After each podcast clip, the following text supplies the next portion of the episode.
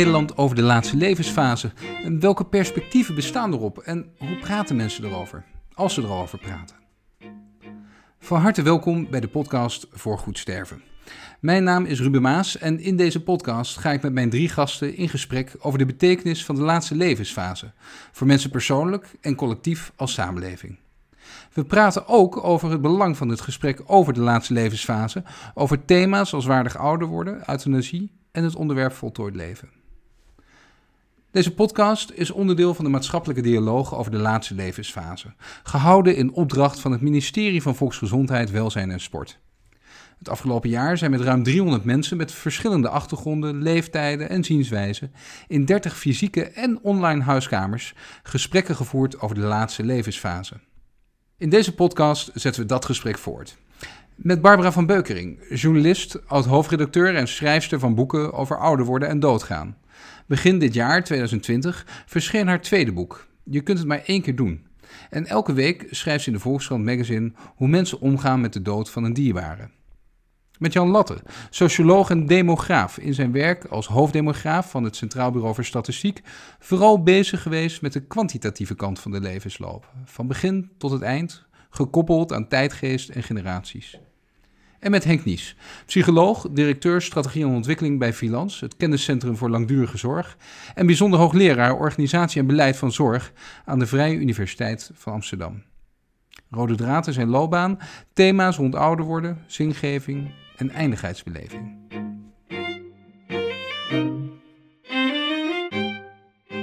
Barbara, waarom is het nou eigenlijk belangrijk om gesprekken te voeren over zo'n laatste levensfase? Dat is, het is belangrijk omdat de, de dood in onze cultuur, in onze maatschappij, eigenlijk nog steeds een taboe is. Mijn, het boek wat ik schreef, Je kunt het maar één keer doen, heeft als ondertitel Een persoonlijke zoektocht naar sterven, het grootste taboe in ons leven. Uh, ik heb heel veel mensen geïnterviewd, deskundigen, maar ook mensen die een dierbare verloren hebben. En het ergste wat eigenlijk kan gebeuren als mensen doodgaan, is dat ze uh, heel angstig doodgaan. In paniek, in ontkenning, in angst en verdriet. Mijn eigen vader is ook op die manier uh, gestorven en daar heb ik heel lang een, een trauma aan overgehouden. En dus mijn zoektocht was eigenlijk van hoe komt het dat nou ja, mensen zo, zo, zo angstig sterven. En om uh, meer berustend te kunnen sterven, zouden we veel meer over de dood moeten weten. En veel meer erover praten, veel meer erover denken, veel meer erover lezen. Zodat het een onderdeel wordt van ons leven. En niet iets wat we ver weg stoppen, zodat we er bang voor worden. Dat suggereert dus inderdaad dat als je erover praat, dat dat het dan weg zou nemen. Ja, nou, hoe meer je over iets praat, hoe vertrouwelijker het wordt, hoe vertrouwder het wordt. En dat is dus heel erg belangrijk dat we veel meer. We hebben jarenlang, hebben we eigenlijk sinds halverwege de vorige eeuw, hebben we de dood uit ons leven gedrukt, als het ware. Vroeger, eh, daarvoor gingen mensen nog dood op hun veertigste aan een longontsteking midden in de huiskamer, terwijl de kinderen eromheen speelden, bij wijze van spreken. Maar met de medische evolutie, met de secularisering, met uh, het idee dat het leven maakbaar is, zijn we eigenlijk ook in gaan geloven dat we, dat we, de, dat we de dood op afstand kunnen houden. En daar komt ook vandaan van dat we heel veel zijn gaan doorbehandelen. Als iemand eh, ziek is, dan zeggen we tegen een dokter, maak mij beter. En dat blijven we net zo lang zeggen totdat we beter zijn. Maar ja, het loopt niet altijd goed af. Sterker nog, Bert Keizer zei uh, de woorden in mijn boek: Niemand komt hier levend vandaan. Dus we moeten toch allemaal eh, op een punt raken dat we, uh, ja, dat we erin kunnen berusten dat het leven eindig is. En ik ben ervan overtuigd dat dat alleen maar kan door veel meer de dood al in het leven toe te laten. Ook als je helemaal niet ziek bent. Hè? Ook als je eh, de leeftijd van jou en mij hebt en er eigenlijk nog helemaal niet mee bezig hoeft te zijn, is het toch beter om er wel mee bezig te zijn, zodat we er, nou ja, wat ik zei, vertrouwd mee raken. Jan, hoe zie jij dat? Is dat inderdaad zo? Als je, als je meer praat hierover, dan wordt het minder een taboe en daardoor word je minder angstig? 3,5 miljoen 65-plussers nu. Ik heb het even opgezocht, we gaan naar 5 miljoen. Dat betekent dat je al anderhalf miljoen mensen extra krijgt die zich gaan denken: hé, hey, hoe lang heb ik nog? Dat gaat gewoon gebeuren. Dat hoort bij die samenleving die vergrijst. Aan de andere kant wil ik toch ook inderdaad terugkomen op secularisering. Ik denk dat dat een van de grote dingen is. Eh, toch uh, 1900 nog uh, bijna iedereen gelovig en je ziet dat steeds verder afkalven. Um, op dit moment bij de jongeren uh, minder dan de helft. Uh, geloof had ook wel zoiets. Dan had nog een troost. Hè? Dan had je na de dood had je ook nog wat. Als je niet gelovig bent, heb je na de dood niet zoveel. Dat past niet in dit leven. Dus je, je moet in dit leven vooral genieten. Dat, dat is het hedonisme van nu. Dus en bij genieten hoort de dood natuurlijk niet. Dat is het taboe waar we over hoorden. Het, het leven moet een feest zijn en zelfs de begrafenis moet een feest zijn. Ja, een festivalgeneratie zie ik dat er is. Maar onherroepelijk gaan we wel meer praten over de dood. Dat blijft niet uit. Nou, Henk, in, in ons gesprekken kwam een paar keer natuurlijk naar voren dat, dat werd gezegd, ja, precies omdat we, een beetje wat Jan zegt, dat de jonge generatie er niet zo mee bezig is, we zouden dat gesprek veel eerder moeten voeren.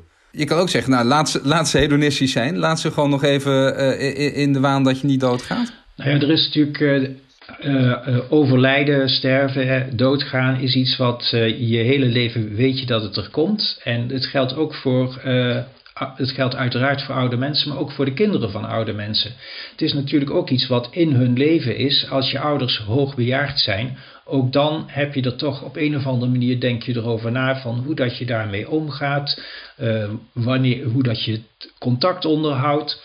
Dus in die zin, het is natuurlijk iets van uh, oude mensen, maar ook voor de jongere generaties is het er wel. En als het niet goed gaat, of als het juist wel goed gaat, of als mensen eerder overlijden, wat natuurlijk toch ook best vaak voorkomt, dan is het heel belangrijk dat dat proces dat dat goed gaat, dat dat stervensproces goed gaat. Maar ik denk dat het ook wel belangrijk is, uh, want naarmate je ouder wordt, ga je op een gegeven moment ook rekenen vanaf de tijd die je nog te gaan hebt in je leven.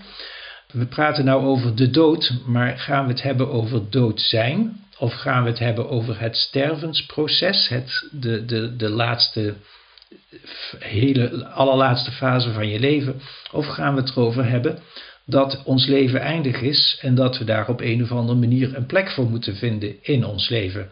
En dat laatste, dat dient zich eigenlijk eerder aan. En ook hoe dat je daarmee je leven op een goede manier inricht, hoe dat je daarop voorbereidt. Dat is iets wat veel langer speelt. Dus ik denk dat we wel in het gesprek even onderscheid moeten maken. Hebben, hebben het over de, het dood zijn, het doodgaan. Of het feit dat er een eind aan je leven komt, want dat maakt wel wat uit. En voor die jongere generatie speelt natuurlijk heel erg mee. En hoe gaat dat dan met bijvoorbeeld mijn ouders of met mijn partner, mocht het aan de orde zijn? Jan? Ja, en nu hoor ik dus een soort ideaalbeschrijving. Dan ben ik, dat, dat klopt, dat klopt. Alleen wat ik benadruk is, zo gaat het dus niet in werkelijkheid bij jonge mensen. dat heeft met die andere cultuur te maken. Het is natuurlijk een, een, ja, een enorme teleurstelling, frustratie en schok als ineens blijkt, lopende het leven, dat het niet zo is dat je de dood kunt vermijden. Dat is wat, waar het eigenlijk over gaat. En moet je het dan hebben over de dood, of moet je het hebben over de levensloop? Dat zou je ook kunnen zeggen. Hè? Het begint met de geboorte. Je kunt ook zeggen, je begint alleen en je eindigt alleen. Wat zit daartussen? Hebben we het daarover. Barbara, want jij voert die gesprekken. Ik denk wat, wat Henk, Henk zegt, van hebben we het over dood zijn of over dood gaan. Het accepteren dat we, dat we op een gegeven moment dood zijn, dan gaat het natuurlijk ook heel veel over zingeving. En je merkt ook, en dat merk je ook aan die serie van Fokke Obbema in de Volkskrant, die is razend populair, dat mensen, en dat heeft ook weer te maken met wat Jan zegt over de secularisering, dat mensen uh, nu we het geloof niet meer hebben, geen leven meer naar de dood, dat perspectief niet meer hebben, die troost niet meer hebben, dat we op, op, op zoek moeten gaan van waarom zijn we hier dan? Zijn we hier alleen maar om te feesten en te beesten of is er nog iets meer? Dus, hè, dus dat is belangrijk. Maar volgens mij zitten we. Uh, zingeving is een heel belangrijk onderwerp. Maar volgens mij zijn we nu in gesprek over het doodgaan, toch? Of heb ik dat verkeerd begrepen? Over die laatste fase? Ja, wat, je merkt, wat je merkt natuurlijk in die gesprekken is precies zoals jullie er nu ook over praten, dat dat voor mensen vaak inderdaad helemaal niet zo met een schaartje te knippen nee, is. Nee. Ja, dat hoe je, hoe je doodgaat ook zegt over hoe je Ja. hebt geleefd en over de vraag van ehm, inderdaad die zingeving. Is een van de lastigste vragen die we steeds hadden in die huiskamers, was de vraag van wie is jouw leven? Ja. En, en sommige mensen die reageerden gelijk en zeiden, oh, dit is van mij. En waren helemaal verbaasd dat iemand anders heel erg aan twijfelen was. Die zei, ja, ik, ik weet dat eigenlijk niet zo goed meer van wie mijn leven is. Nou, dat is wel mooi uh, dat je dit zo benoemt. In een van de huiskamergesprekken die ik uh, mee mocht maken, zei een van de mensen van... Het, mijn leven is niet alleen mijn leven, maar het is ook van jullie. En dan bedoelde hij met jullie de kinderen. Hij zei van wat ik doe met die laatste levensfase en wanneer ik wel of niet eruit zou willen stappen, want daar was hij wel mee bezig. Dat bespreek ik met mijn kinderen en dat ligt er ook aan van wat die kinderen daarvan vinden. Uh, wat ik daarmee uh, ook wil zeggen is van uh, het gaat over een langere periode dat mensen zich die vraag stellen van de, de zingeving. En dat speelt op hele hoge leeftijd wanneer vrienden, bekenden overlijden. Dat je zo langzaam maar zeker bijna niemand meer hebt van je eigen generatie. Hè. Mijn schoonmoeder zei op een gegeven moment, er is nou niemand, of schoonoma moet ik zeggen, er is nou niemand meer die nog je tegen mij zegt. Nou, dat geeft een beetje aan hoe een soort eenzaamheid dat ze in haar leven begon te ervaren. En dan is dat proces van ja, wat is de zin van mijn leven? Dat is een lang, langer lopend proces dan puur alleen die stervensfase. En daar zijn mensen dan mee bezig als ze heel oud worden. Maar het is natuurlijk ook als je dat met je kinderen daarover hebt, hè, zoals deze man die ik noem, en dat gebeurt natuurlijk niet lang niet altijd, uh, maar dan uh, wordt dat iets wat een veel langere discussie is, een dialoog kan zijn, die ook verandert. Hè. Dat hebben we ook gezien in de, in de gesprekken, dat, dat weet je ook, dat je in de loop van de tijd er ook anders over kunt gaan denken. Maar dat past ook in de anders denken tijdens de levensloop. Want als je twintig bent, dan denk je ook, wat is de zin van mijn leven? Wat ga ik doen? En dan denken mensen, nou ja, goed, uh, ik wil een huisje, ik wil een partner, misschien kinderen. Dat is dan de zingeving. En dat hoort bij die levensfase. Dus dat bedoel ik, het gaat ook wel een beetje vanzelf. Het is, een soort psychologisch effect waar je niet onder controle hebt. Maar als je jong bent, gaat alles vooruit. En dan is de zingeving toch anders dan wanneer je in de, in psychologische en fysiek al in een fase bent dat, dat je, ja, je wordt gewoon geconfronteerd met het feit dat, dat je misschien minder energie hebt en niet meer op stap kunt tot diep in de nacht. Hè? Geen afterparty, daar hou je niet vol. Dus dan, dan moet je al andere zingeving gaan bedenken. Dat bedoel ik met um, vanzelf gaan grote massa's uh, komende jaren zich bezighouden met zingeving aan het eind van het leven. Niet dat het minder belangrijk is, maar we zien in de samenleving dus ook wel een beetje een schuiven. Ja, maar Jan, begint dat niet, begint dat niet al uh, zeg maar een beetje na je Kijk, natuurlijk, als je jong bent, dan wil je werken, carrière maken, trouwen, kinderen krijgen. Nou, de hele uh, dingen. Maar die periode die is, pak een beet, van je twintigste tot je veertig, nou, tot je vijftigste wel tegenwoordig. Maar begint dat niet na je vijftigste eigenlijk al, waar jij het over hebt? Ja, ja dat begint. Dan kun je ook op verschillende manieren, uh, kun je, uh, als psycholoog zal dat wel iemand kunnen constateren. Ik heb, het, ik heb gekeken naar tevredenheid met het leven op macroniveau, dus niet per individu. En wat je ziet, dat is eh, de tevredenheid neemt voor jonge mensen voortdurend toe, tot ergens midden 40. Hè, en dan zie je ineens dat het terugvalt. Ja, natuurlijk. Want dan hebben ze al die idealen bereikt die ze in hun hoofd hadden. Of niet, of niet. Ja, maar daarom zeg ik op, op grote schaal. Er zijn altijd uitzonderingen. Uh, en dan ontdek je van, goh, alles wat ik wilde heb ik nu. Was dat het dan? En dan krijg je de midlife crisis, heet dat dan. Bij de een heeft het wel, de ander heeft het niet, meer of minder. Maar na die midlife crisis, ja, dan krijg je dus ook nog de, de, de, de fysieke veranderingen. Dan zie je dat, dat uh, mensen uh, uh, zo tegen 60, 70 de grote groep herstelt als het ware. En die worden ook nog tevredener. Die accepteren vervolgens blijkbaar als massa dat het overgaat. En die zitten in die, in die reflectieperiode. Ja, en die gaan denken, ach, ik ben toch wel tevreden. Kan ook zijn dat juist de tevreden mensen overleven. Dat zou ook kunnen, of die vaak overleven. Dus je krijgt statistisch krijg je veel tevreden mensen als ze oud zijn. Want die hebben het overleefd. En de, en de mensen die veel uh, ontevreden waren, die gaan eerder dood. Is dat zo? Is dat zo? Nou ja, ik refereer aan een theorie over. Je ziet dat mensen, heel veel mensen die, die 100 worden, zijn heel gezond, die gaan bijna niet dood. En men zegt dat juist de, uh, de sterkste worden dan 100 en die zwakkere die gaan eerder dood. Ik bedoel, de, de sterftekansen nemen nog iets af hoe ouder je wordt. Dus de allersterkste worden nog ook nog extra oud. Dat is een soort uitsortering. Ja. Maar, ja, maar jij hebt het over tevredenheid. Ik heb daar dus heel onderzoek gedaan naar het, het sterfbed hè, van mensen.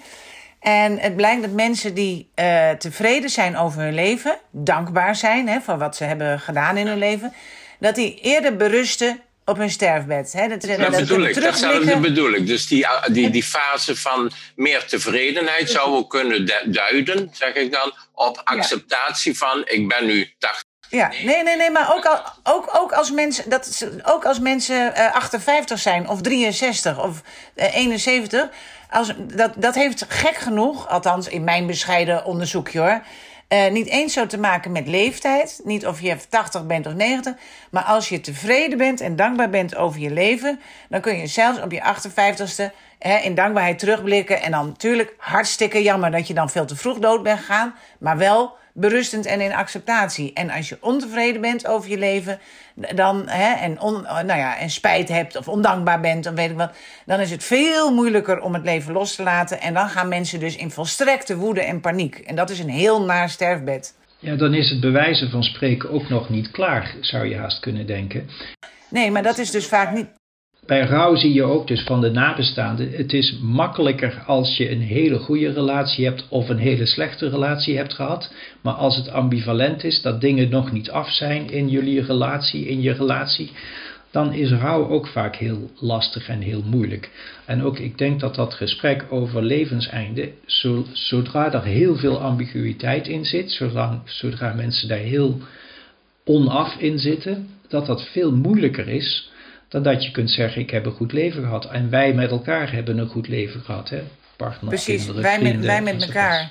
Ja. Toch Jan, wat ik wel even in die, in de, Jan, hè, in, de, in die fases die je net noemde, hè, en je zegt van nou, en dan op een gegeven moment kon je vanzelf in de levensfase en ook fysiek, dat je er meer over na gaat denken. Er waren vrij veel mensen die zeiden van, maar toch moet je al op, bij wijze van spreken, 12-jarige leeftijd kinderboeken. Je moet uh, uh, je kind leren dat een konijn doodgaat en zo het leven ook in elkaar zit. Eh, hoort dat er dan ook bij? Of zeg je van nou nee, dit, dit gesprek hoeft pas echt plaats te vinden op het moment dat je zelf in die fase terechtkomt? Nee, nee, dat hoort er zeker bij. Maar wat ik zeg is dat het in onze cultuur past het niet. Het past, uh, wordt kinderen geleerd dat een leven een feest is en dat je nergens niet hoeft te beperken en dat alles mogelijk is en alles wordt verzekerd. Hè, alle tegenslagen worden verzekerd. Dat is de, de cultuur die ouders ook aan kinderen overbrengen. Nou ja, dat, maar dat gaat inderdaad wel over die zelfredzaamheid en ook maakbaarheid, uh, Barbara. Jij geeft zelf aan dat je zegt van nou, ik, ik merk dat mensen heel veel verdriet hebben op het moment dat ze daar geen, niet de aandacht aan hebben kunnen geven. Dat veronderstelt dat je door middel van aandacht ook een deel van dat verdriet zou kunnen wegnemen. Dat suggereert ook een soort maakbaarheid. Een maakbaarheid waarvan Jan op een aantal andere punten aangeeft. We zitten in een, een samenleving die uitgaat dat je grip hebt, dat je kan sturen, dat je zelf redzaam bent. In hoeverre raakt het ook de discussie van de dood? Ik denk dat de dood altijd een heel verdrietig gegeven zal blijven. Want het is namelijk in principe niet leuk om afscheid te nemen van het leven, van je dierbaren, van alles wat je hebt opgebouwd. Of van alle boeken die je uh, hebt gelezen. Het is een heel rot idee. Dat vind ik ook nog steeds. Eigenlijk bijna onverteerbaar idee. Dat je het allemaal op een dag zou moeten loslaten.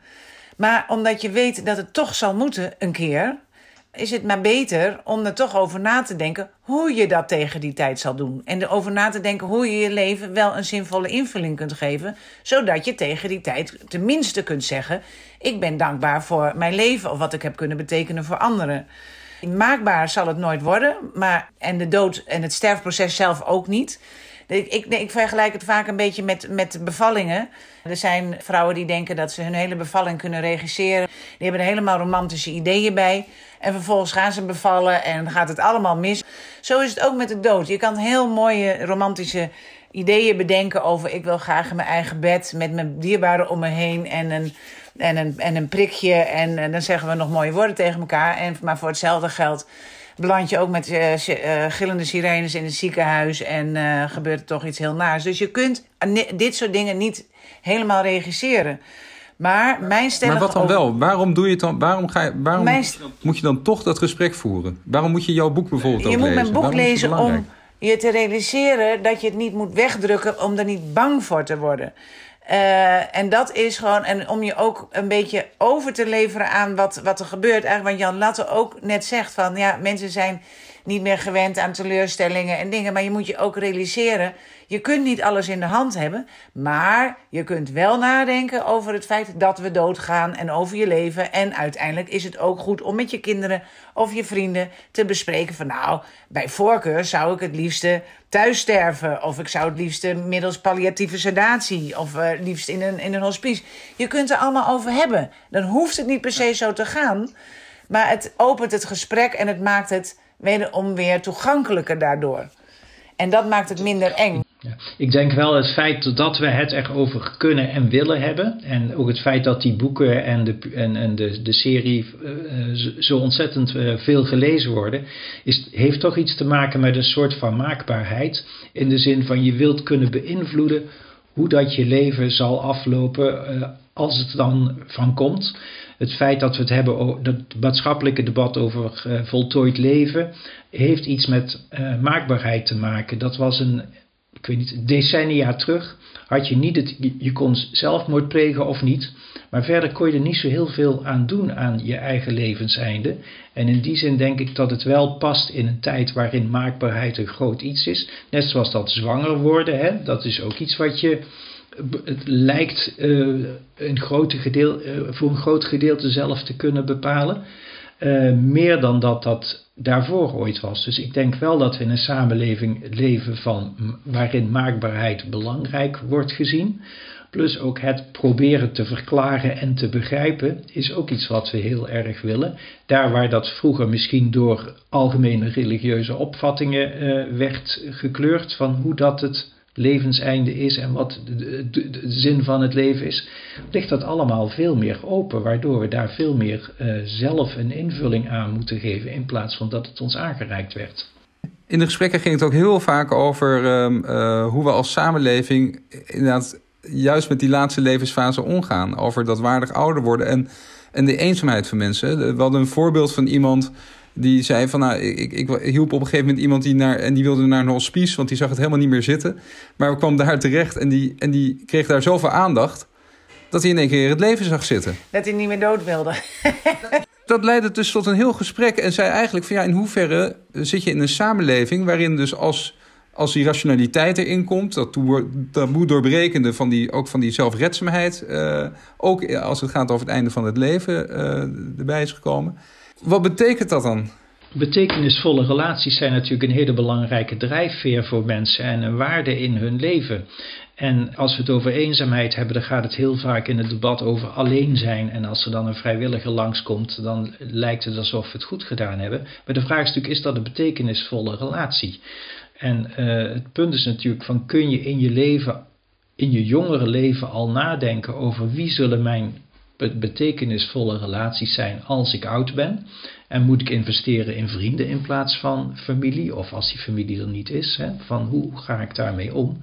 En ik denk dat dat soort vraagstukken uh, zijn minstens zo belangrijk als van hoe wil ik nou, hè, wil ik wel of niet euthanasie of zo. Dat is denk ik een, bijna een sluitstuk van een discussie. Terwijl het er eigenlijk om gaat van hoe vul je die laatste levensfase op een goede waardige manier in en met wie. En als er niemand meer is, ja, wat betekent dat dan? Ja, daar ben ik het trouwens helemaal, helemaal hartstikke mee eens. En de meeste mensen zijn ook wel oud als ze doodgaan. Maar de laatste levensfase kan dus ook. Ik heb, ja, toch, en dat komt misschien ook door mijn serie. Er gaan toch ook heel veel mensen gewoon van 50 en 60 dood. En die zijn daar natuurlijk niet mee bezig. En, en voor hen zijn die vragen wel heel belangrijk. Van in hoeverre laat ik me doorbehandelen en wil ik euthanasie en dingen. Dus dat, ja, daar wou ik toch nog even een lansje voor breken. Van de, het gaat, als we het over doodgaan hebben, hebben we het niet alleen over oude, hele, hele hm. hoogbejaarden. Nee, maar je kan en je hebt ook uh, uh, jongere mensen van de week nog een artikel in de Volkskrant, inderdaad, van een, een jong iemand die eigenlijk gewoon natuurlijk zo leidt aan het leven. En dat hij zegt van nou, ik, ik, ik wil graag dat er een einde aan komt. En in die gesprekken in die huiskamers hadden we vaker, overigens ook mensen vaak van een cultureel diverse achtergrond, die zeiden ja, maar dat komt omdat wij de samenleving ook zo hard hebben gemaakt. En omdat we die samenleving zo hard maken en dat we niet meer om mensen heen staan, niet voor ouderen zorgen of mensen die het moeilijk hebben of die eenzaam zijn of en nog even los van fysiek lijden. Daardoor, en we hebben nu die optie en we hebben dat taboe doorbroken ook van, uh, van, van een, een eigen levenseinde kiezen zijn we een pad ingegaan waar we niet op moeten gaan. Kan je er iets bij voorstellen? Ja, ik denk dat is, dat is de prijs van de individualisering van de vrijheid die we hebben om ons te onttrekken aan allerlei sociale verbanden. Dat is ook als vrijheid. Hè? Je kunt je grootfamilie achterlaten en, en verhuizen naar uh, Amsterdam en daar je leven leiden. Ja, dan moet je niet verbaasd zijn dat je dan soms het risico loopt om eenzaam te worden als je uh, ook nog uh, niet beschikt over de nodige communicatieve vaardigheden, om het zo maar te zeggen. Ja, dat is de prijs daarvoor. Het is, de samenleving is niet hard geworden. De samenleving is vrijer geworden. En, en voor sommige mensen betekent dat dat ze zich moeilijker kunnen handhaven. En dan ontbreekt die sociale controle. Ja, mag ik iets vragen? Zie jij niet uh, een, een soort kentering in onze maatschappij? Ik heb toch wel het idee ja. dat we meer ja, sorry? Ik zie wel kenteringen, maar niet op, dat vlak van die individuele vrijheden en, en, en de grote massa niet. De kentering die ik zie is inderdaad dat sommige mensen meer, of, of laat de vriendenkringen belangrijker worden, ook voor ouderen in het leven. En dat zie ik bij jongen, ik, dat is, is duiding natuurlijk. Kijk, als je nou zo'n jong koppel ziet, 30, 40, wat doen die? Let maar eens op, die hebben ook allemaal hun eigen vrienden, waar ze bijvoorbeeld ook één of twee weken mee op vakantie gaan, afzonderlijk. Dat was 30, 40 jaar geleden nog dan. Dan ging het koppel, samen ging je op vakantie, als man en vrouw bijvoorbeeld, maar niet zij met de vriendinnen en hij met zijn vrienden. Dat heeft een functie. Dat heeft als functie dat als, dat, als je relatie mislukt, heb je nog altijd je vriendengroep als tijdelijke opvang en dan ga je weer naar een andere relatie. Dus je hebt een soort buffer voor je sociale samenhang. Dat, is een voorbeeld van kentering, van aanpassing aan die, die, die, die individualisering. De andere aanpassing zie je bij ouderen echt. Oost-Nederland vind ik een prachtig voorbeeld, hoe dat ook heet. Vriendenerf, 50-plussers die daar samen uh, zelf in een coöperatie een, een woonwijkje uh, hebben gebouwd met een deeltuin en zo. Maar dat betekent ook aandacht en zorg. En als er wat misgaat, zie je elkaar. Sociale controle. Dat is een vorm van nieuw familieverband, dat je er niet helemaal altijd alleen voor staat. Men zoekt dus naar alternatieven. Ik zie niet een kentering terug naar het oude, maar een kentering naar andere vormen van, die compenseren enigszins wat we kwijt zijn. Op die manier. Barbara, wat jij noemt dit omdat jij misschien zelf wel een kentering denkt te zien. Nou, ik, ik, vind, ik vind dit trouwens hele positieve geluiden. Dit lijkt me echt ja, lijken me hele mooie ontwikkelingen die Jan zo schetst. Ja, ik, denk, ik dacht even na over een kentering hoe wij omgaan met de dood. En ik denk, maar ja, goed, ik ben niet zo'n. Uh, ik ben natuurlijk geen socioloog en helemaal geen demograaf. Maar uh, dat we de laatste jaren wat meer uh, over de dood zijn gaan praten. Al voordat ik mijn, mijn boek schreef. Maar je zag bijvoorbeeld dat, dat mensen publiekelijk in de wereld draait door, zoals de filosoof René Gude of de schrijverjournalist Pieter Steins, of de parooljournalist Albert de Lange, dat die eigenlijk over hun eigen naderende dood schreven, daar eh, televisie over praten. Je ziet op social media dat mensen, eh, nou ja, de, publiek maken dat, eh, dat ze ongeneeslijk ziek zijn. En ik merk persoonlijk dat als ik zie hoeveel uh, mails ik per week krijg van mensen die mijn serie lezen over sterven en mensen die heel graag hun verhaal willen doen dan denk ik, er is echt wel een verandering gaande, hoe we, hoe we hier met z'n allen in staan. Vind je, daar ook, vind je daar ook iets van? Ja, ik weet niet of dat met z'n allen is. Ik zit ondertussen te denken over begrippen als de samenleving en zo. Uh, ik vind dat wel altijd moeilijke begrippen, omdat er binnen de samenleving zijn er allemaal deelsamenlevingen. Hè, de lezers van de Volkskrant, dat is een bepaalde groep in de samenleving. En uh, daar hoor ik toe, dus ik kan hier hartstikke in meegaan in dit, uh, deze manier van denken. Maar er zijn ook hele stukken samenleving die volkomen anders erin zitten, waar men wel op de familie inzet, waarin andere waarden gelden. Dan hebben we het niet eens alleen maar over de mensen met een andere etnische achter etnisch-culturele achtergrond, maar dat gaat ook over andere delen van de samenleving. Dus misschien zitten wij ook wel een beetje een uh, blank middelklas gesprek te voeren. En uh, is, het, uh, is de samenleving wel een beetje een stereotyp beeld wat we nou in de discussie hebben? Ik, ik vraag het even aan de socioloog-demograaf. Ja, de samenleving bestaat natuurlijk nooit, maar je ziet wel een, een, een verandering van het gemiddelde. En dat is zeker gaande. En dat verandering is de eerste plaats hebben de verandering gehad richting die genietende, welvarende samenleving die niet godsdienstig is en die denkt dat het hier het feest moet plaatsvinden. Dat, dat is zeker gaande geweest. Met die Volkskrant-reacties, dan denk ik ook, ja, wat is de doelgroep qua leeftijd van de Volkskrant-lezers? Ja, als die allemaal 50 worden, dan komen ze inderdaad massaal als Volkskrantlezer in die fase dat ze het interessant gaat gaan vinden. En dat klopt eigenlijk precies met wat ik denk van, ja, eh, eh misschien waren er, eh, ik weet het aantal niet, maar 3,5 miljoen 65-plussers nu. En naar 5 miljoen, dat hebben we daarvoor ook gehad. Misschien waren er een periode met 1 miljoen 65-plussers. Ja, je ziet dat er veel meer mensen komen voor wie het een, een onderwerp wordt. Barbara, jij hebt die interviews. En, ik, en ik, ik vroeg me af, doet dat nog iets met mensen als je een, een, iemand op televisie hierover ziet vertellen? Uh, in het vinden van woorden of in, het, in misschien ook wel het idee dat je het moet vertellen? Ja, ik denk er zijn mensen zijn er heel uh, sommige mensen zijn er sceptisch over van uh, nou moet je nou moet je dat nou op televisie vertellen. Iemand noemde het ook stervensporno. Maar dat, dat vind ik heel aanmatigend, want ik denk dat, juist dat het heel goed is. dat mensen er op televisie over vertellen en dat mensen erover lezen en, en die interviews. Omdat dat de manier is om erover na te denken. Om als je dat leest of hoort, dat je denkt Oh, hoe zou ik het zelf doen? En dan zeg je tegen je partner op zaterdagochtend aan de keukentafel: Goh, heb je dat gelezen? Ja, zo, hoe zou ik dat nou zelf doen? Hoe zou jij dat eigenlijk doen? En dan raak je, en dan komen de kinderen op bezoek en dan zeg je: God, we mogen het dus met jullie over hebben. Dus ik denk dat het, ja, dat de media uh, toch in, dit, in, dit, in deze best een belangrijke rol kunnen vervullen. Henk, ik zie je knikken. Ja, helemaal mee eens. Uh, het, het, maakt het, uh, het voorbeeld wat je ziet en voorbeelden werken is denk ik heel belangrijk. En als we kijken naar wat er bijvoorbeeld in de medische zorg had je een aantal jaren terug uh, Elisabeth Kupler-Ross, die op een gegeven moment het bespreekbaar maken van dat het zou aflopen, bijvoorbeeld in, voor een patiënt. Dat was een doorbraak. En dat heeft enorm veel uh, teweeg gebracht, waardoor er nu uh, in de laatste levensfase veel vaker opener gesprekken gevoerd kunnen worden tussen de behandelaren, zal ik maar zeggen, en de patiënt en de familie. Is een enorm belangrijke doorbraak geweest, doordat zij ook de media heeft opgezocht en veel boeken geschreven heeft enzovoorts. Ja, dat begint nu maatschappelijk uh, te gebeuren. Dus ik denk dat het aandacht op tv enzovoorts is uh, denk ik heel waardevol en uh, als voorbeeld en als hoe zeg je facilitator voor een gesprek. Het, het helpt het gesprek. Jan, vind je eigenlijk dat, dat, dat de overheid een, een rol hierin heeft? Als dit dus steeds nadrukkelijker in die samenleving naar voren komt, je merkt hoe wij er nu over praten. Moet je daar als overheid ook iets mee of moet je daar verre van blijven?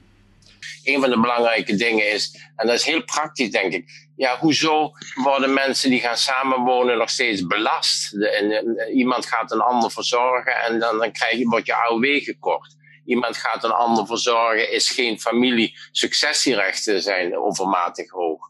Uh, dit soort rare dingen allemaal, die eigenlijk zouden moeten stimuleren dat mensen elkaar helpen, juist aan het einde van het leven, zijn de regelingen die gaan mensen nog extra straffen. Dat vind ik duidelijk iets wat heel praktisch door de overheid ingezet kan worden om te zorgen dat mensen aan het eind van leven nieuwe verbanden ontdekken, elkaar kunnen helpen, niet meer alleen zijn. Dus het is niet alleen over het sterven en ziek zijn, maar gewoon het helpen. Dus die, die overheid moet dat veel meer doordenken in termen van dat sociale de kwaliteit van leven terwijl je nog leeft en oud bent en misschien die dingen niet meer kunt. Dus wonen is iets, belastingtechnisch is iets, ouderdomsuitkeringen is iets. Ja, maar van die kleine middeltjes om, om iets te veranderen. En tot nog toe gaat het eigenlijk de verkeerde kant op, zou ik zeggen. Barbara? Ja, daar heb ik, wat mij ook heel erg frappeert, is nog even de vergelijking met als je uh, zwanger bent en een kind krijgt. Dan staan de hulptroepen die staan in rijen opgesteld.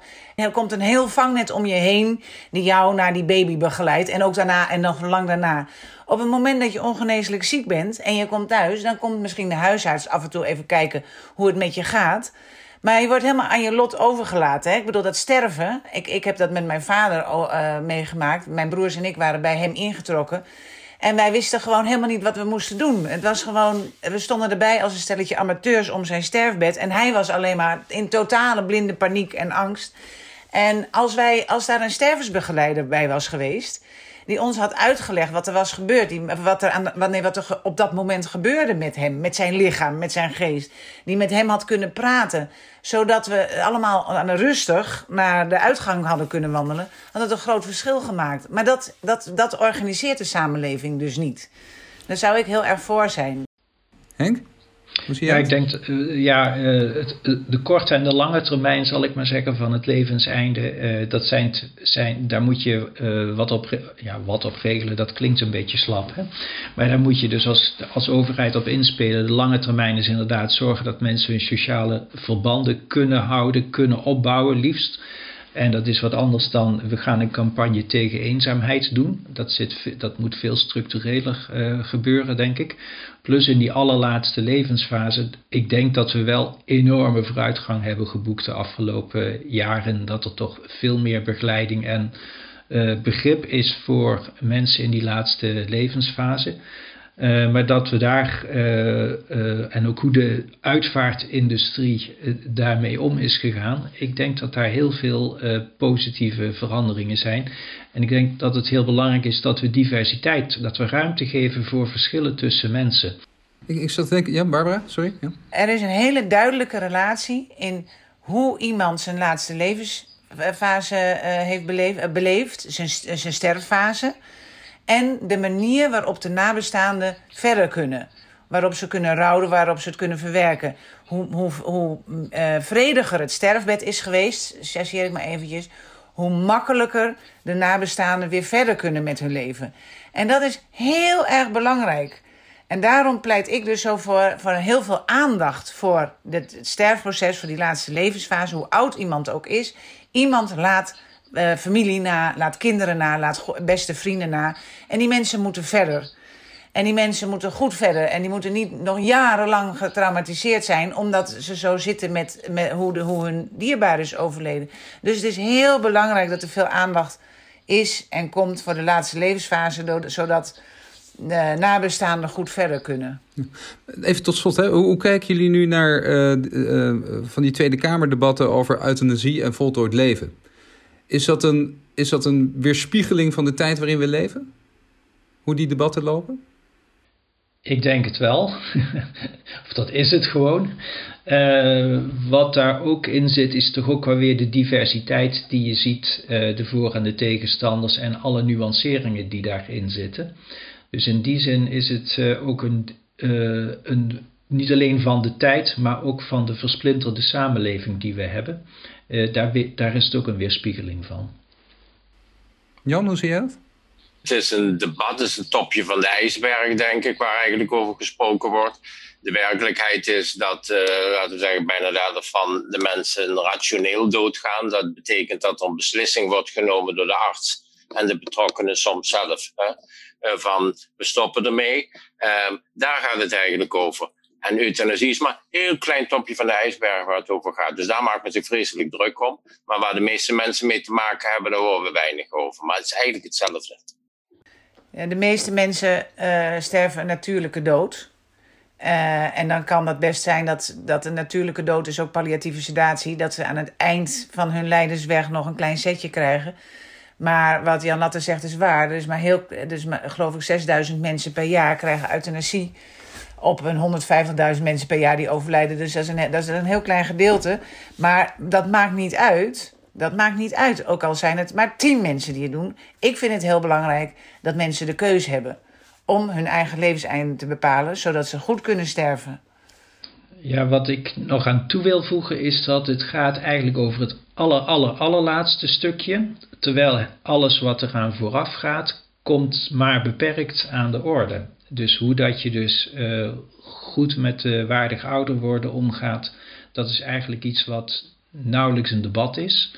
Waar de overheid, zoals we zojuist bespraken, toch ook wel een rol in heeft. Uh, zij het misschien niet zo'n beslissende rol als leven ja of nee. Hè? Dat is natuurlijk wel een heel groot onderwerp. maar ik denk dat, we, dat het debat wat te veel aan de rand zit van het vraagstuk en te weinig aan de voorkant van het vraagstuk zit. We hebben de deelnemers aan die huiskamers hebben steeds op het eind gevraagd om een, uh, om een uh, ansichtkaart uh, te schrijven aan de minister van VWS. En zei, wat zou je nou willen dat hij, wat hij zou lezen? Als ik dat nou aan jullie zou vragen, dus je mag een ansichtkaart aan hem sturen. Wat zou erop staan? Ja, ik, ik, ik, zou, ik, zou, ik zou er toch inzetten dat ik hoop dat uh, de minister zich realiseert dat een, uh, een, een goed levenseinde uh, nou, bepalend is voor het geluk van degene die sterft, maar ook bepalend voor het geluk van alle mensen die die achterlaat. En dat we daar met z'n allen heel veel aandacht en energie aan moeten geven. Henk, wat zou jij schrijven? Ik zou geloof ik schrijven, ga niet te veel doen, maar zorg dat we er op een goede manier over spreken en maak een klimaat waarin we met elkaar in gesprek zijn hierover. Voor zover je dat als minister kunt doen. En ik weet dat dat beperkt is wat de minister aan dit vraagstuk kan doen. Jan? Nou, hij moet niet uitgaan van gemiddelde, want die komen altijd in de statistieken naar voren en dat geeft altijd een verkeerd beeld. Maar ga uit van maatwerk voor mensen, misschien toch de diversiteit en hou er vooral rekening mee dat de toekomstige ouderen die er nu aankomen um, heel vaak uh, uh, zonder sociale context zijn. Hoe ga je daarmee om? Dat is welzijn eigenlijk ook. Hoe, hoe, brengen die leven, hoe brengen die mensen een oude dag prettig door? Dankjewel voor het luisteren naar de podcast Voor Goed Sterven. De podcast waarin het gesprek over de laatste levensfases centraal stond en waarin ik, Ruben Maas, in gesprek ben gegaan met Barbara van Beukering, Jan Latte en Henk Nies. Wil je meer weten? De rapportage voor Goed Sterven over de maatschappelijke dialoog laatste levensfase kun je downloaden. Dat kan via de website dialooglaatste levensfase.nl. Dankjewel voor het luisteren.